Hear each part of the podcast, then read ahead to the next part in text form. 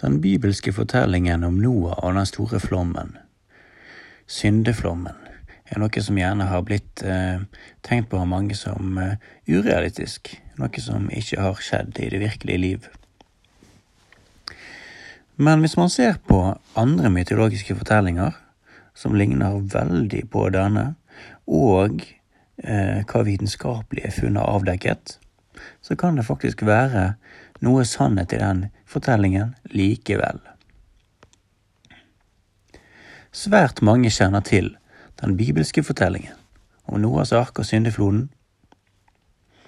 Ikke like mange er klar over at urovekkende lignende historier blir skildret i mytologiske sagn fra ulike deler i verden.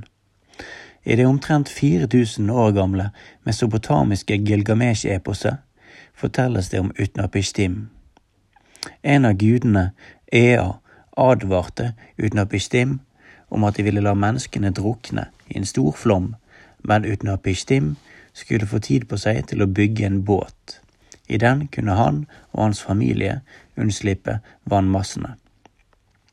Skriftspråket ble, etter hva vi kjenner til, introdusert i Sumer, altså Mesopotamia, for drøye 5000 år siden. Rundt 1000 år senere ble så altså den versjonen vi kjenner av Gilgamesh-eposet, skrevet ned. Basisen i historien er derfor sannsynligvis av svært gammelt opphav. Ifølge Bibelen landet Noah til slutt på fjellet Ararat i Kausasus. Om vi ser på regionen, er det kort vei til Svartehavet. Dette passer bra med det Gilgamesh-eposet forteller. I tillegg finner vi flere andre lignende fortellinger. Det finnes en sumerisk versjon av historien som er eldre enn Gilgamesh-eposet. Arkeologene har kun funnet fragmenter av fortellingen, ganske enkelt kalt Flommen. Her bærer helten navnet Siusudra. I de indiske rigvederskriftene fortelles om en mann kalt Manu. Også han blir advart om at en flom skal sluke alle skapninger, og at han må bygge et skip som skal føre ham til det nordlige fjellet. Den aller eldste versjonen av dette scenarioet er Atrahasis epose, som er minst 300 år eldre enn fortellingen om Gilgamesh. Alle disse historiene deler følgende momenter. En urhelt som overlever en gigantisk katastrofe fordi han har fått varsel. En flom iverksatt av gudene, eller Gud, i Bibelen.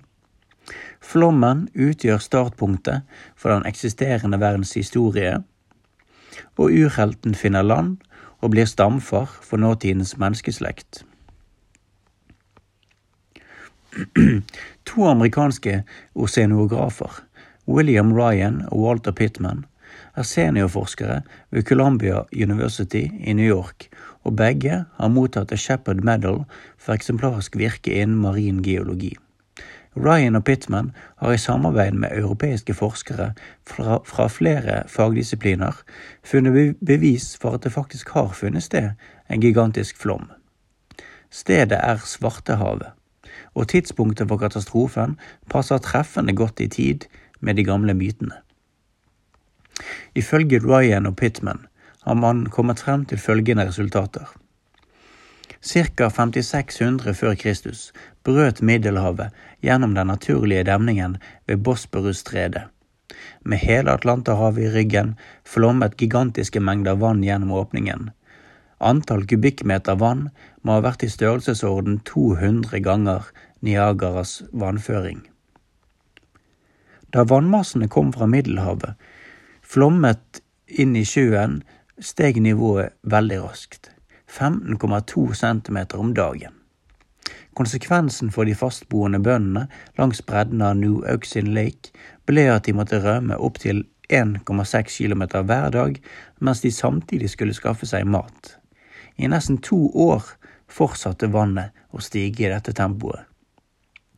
Vannet ble salt, fisk døde, avlingene lå under vann, og folk hadde plutselig dårlig tilgang på drikkevann. Folk kunne aldri mer vende tilbake til sine gamle bosettinger. Deres verden var druknet. Overlevende spredte seg deretter vestover til Europa, nordover til Russland, østover inn i Sentral-Asia og sørover til Lille-Asia og Midtøsten. Med seg brakte de datidens mest utviklede redskaper og avanserte ferdigheter, og kunnskapen om hvordan man driver intensivt jordbruk. I løpet av kort tid erstattet, erstattet deres levesett steinalderkulturene som hadde vært der før dem. Grunnen til at det nettopp var summererne som best klarte å ta vare på fortellingen, kan ha med klimatiske forhold å gjøre. De uregulære, men hyppige flommene i Mesopotamia må jevnlig ha minnet folket om den store flommen, og når elvene gikk over sine bredder, var det den perfekte anledningen til å innvie den oppvoksende generasjonen i myten. En av bivirkningene av floden var det europeiske jordbrukssamfunnet slik vi kjenner det i dag, ifølge professor ved Executor University Chris Turney, som har gitt ut boken Bones, Rocks and Stars – The Science of When Things Happened. Det må ha fortont seg som om hele verden ble oversvømt.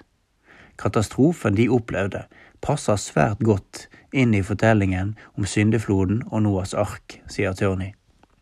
I takt med at Svartehavet ble fylt, har vi anslått at rundt 4500 mennesker årlig måtte flykte.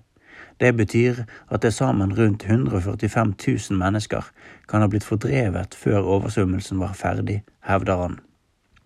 Tørni peker på at disse menneskene vandret vestover, inn i Europa, som frem til da stort sett bare hadde bestått av jeger- og sankersamfunn.